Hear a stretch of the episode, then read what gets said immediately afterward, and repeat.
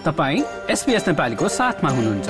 अरू रोचक सामग्रीहरूका लागि SBS dot com dot slash Nepali जानुहोस्। अस्ट्रेलियामा विवाह नगरी दुईजना सँगै बस्छन् भने पनि उनीहरूको सम्बन्धले कानूनी मान्यता पाउँछ। यस्तो सम्बन्धलाई डिफ्याक्टो वा आधिकारिक सम्बन्ध भनिन्छ। डिफ्याक्टो सम्बन्धको दर्ता राज्य अनुसार फरक फरक छ। साथै सम्बन्धबाट अलग हुँदा पनि डिफ्याक्टो सम्बन्धलाई विवाहित जस्तै कमनवेल्थ कानून अन्तर्गत नै हेरिन्छ।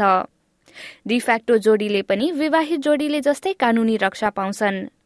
पछिल्लो जनगणना अनुसार अस्ट्रेलियामा बीस लाख भन्दा धेरै मानिसहरू डिफ्याक्टो सम्बन्धमा दर्ता भएका छन्। तर खासमा डिफ्याक्टो सम्बन्ध भनेको के हो र यसलाई कहिलेदेखि कानूनी मान्यता दिइयो त?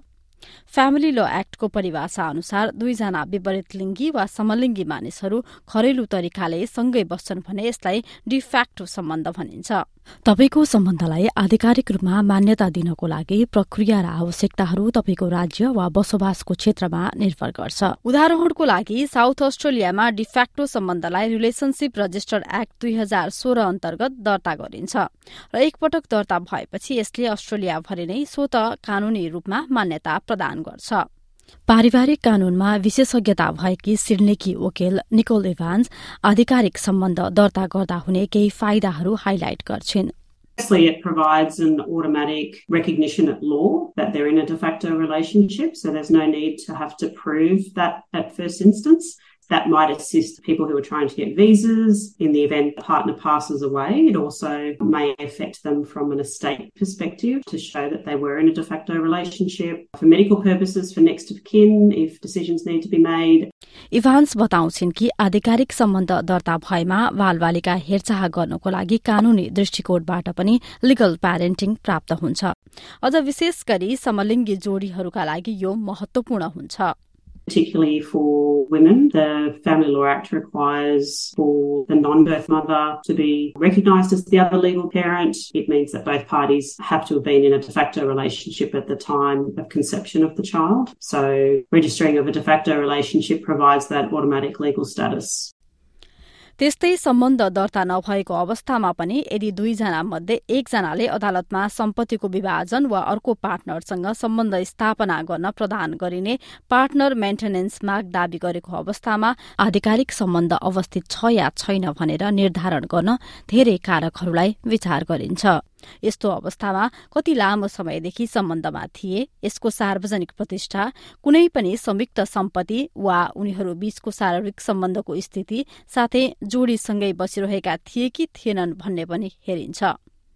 इभान्सका अनुसार अदालतले निर्णय गर्दा कुन मापदण्ड हेर्छ भन्ने कुरा मुद्दा विशेषमा निर्भर गर्छ। तर यस्ता सम्बन्धका केही सामान्य गलत धारणाहरूबारे उनी यस्तो बताउँछिन्। A lot of people think that you have to be in a relationship for two years to be de facto. That's not true. A lot of people think if you're in a de facto relationship after two years, you're suddenly entitled to 50% of the other person's assets. Again, that's not true. So, yeah, a lot of people think you have to be living together as well to be in a de facto relationship, which is not true. There's case law that says you can be in a de facto relationship but live in separate houses. साथै दुई मध्ये एकले कानूनी रूपमा अरू कसैसँग विवाह गरेको भए पनि डिफ्याक्टो सम्बन्धको अस्तित्वलाई स्वीकार गर्ने व्यवस्था पनि कानूनमा रहेको छ पारिवारिक कानूनमा विशेषज्ञ रहेका ब्रिस्बेनका वकिल डेमियन ग्रेड बताउँछन् It doesn't happen very frequently. It is more the case of where you have people who have been married but never divorced, and then they move into a de facto relationship. Think about it from this context. You can have a husband, say, who's in a married relationship. That relationship breaks down and no one applies to the court for a divorce. The husband then moves into a, another relationship with someone else and is not married to them, but lives with them for five, six years. He is both married and he's also got a de facto partner at the same time. आधिकारिक सम्बन्धबाट अलग्गिने भए बालबालिकाको पालन पोषण तथा बच्चाको सम्बन्ध को व्यक्तिसँग रहने जस्ता व्यवस्थापन विवाहितलाई जस्तै फ्यामिली ल एक्ट अन्तर्गत अगाडि बढ़ाइन्छ। त्यस्तै आर्थिक बाँडफाँडको लागि कुनै विशेष परिस्थिति बाहेकमा दुई वर्षभित्र नै अदालतमा हक दावी सहित आवेदन पेश गर्नुपर्छ। उनी भन्छन् कि दुई वर्षभन्दा लामो समयपछि अदालती प्रक्रियामा गयो भने समस्या समाधानमा जटिलता आउँछ। अथवा वैकल्पिक रूपमा पूर्व पार्टनर बीच आपसी सम्झौता भएको हुनै पर्छ सँगै उनीहरूले यो पनि सुनिश्चित गर्नुपर्छ कि सम्झौता कानूनी रूपमा मान्य छ really important thing is it must be properly documented. And the two ways of documenting it are either asking the court to make orders by consent resolving financial matters, or you can enter into a financial agreement. De facto जोडीहरू पनि विवाहित जस्तै सम्बन्धमा रहँदा कुनै पनि समयमा आर्थिक सम्झौतामा प्रवेश गर्न सक्ने इभान्स बताउँछिन् तर महत्वपूर्ण कुरा के भने यस प्रकारको सम्झौता कानूनी आधारमा वकिलद्वारा मात्र तयार गर्न सकिन्छ So it documents what you've both brought into the relationship and it determines then what the agreement is of how the assets and liabilities would be split between you in the event of a separation. And you need to see a lawyer to get these documents drafted. The lawyer has to sign a document that says they've provided you with independent legal advice on the advantages and disadvantages of entering into this type of agreement.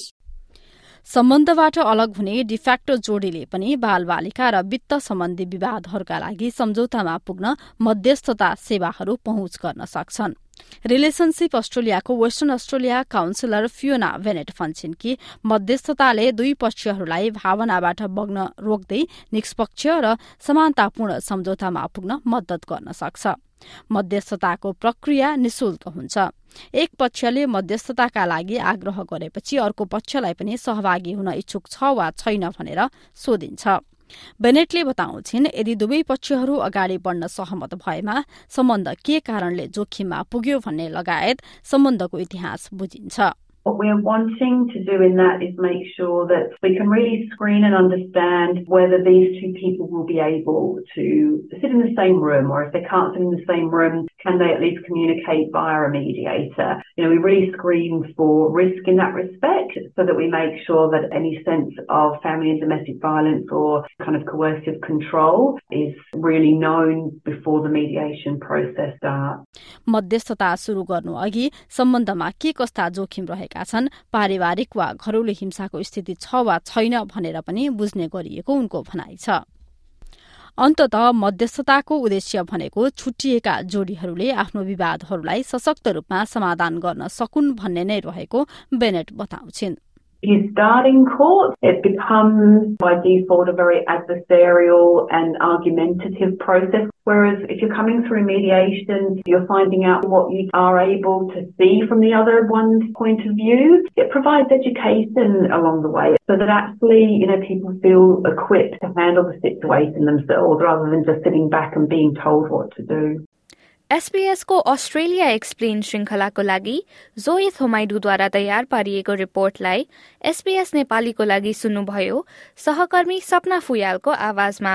यो रिपोर्टलाई सुन्न हाम्रो website SPS dot com dot AU slash नेपालीमा जानुहोस् वा आफ्नो फोनमा SPS audio एपलाई निशुल्क डाउनलोड गर्नुहोस्। यो अन्य प्रस्तुति सुन्न चाहनुहुन्छ? Apple podcast Google podcast Spotify मा हामीलाई खोज्नुहोस् वा तपाईँले पोडकास्ट सुन्ने अन्य सेवामा।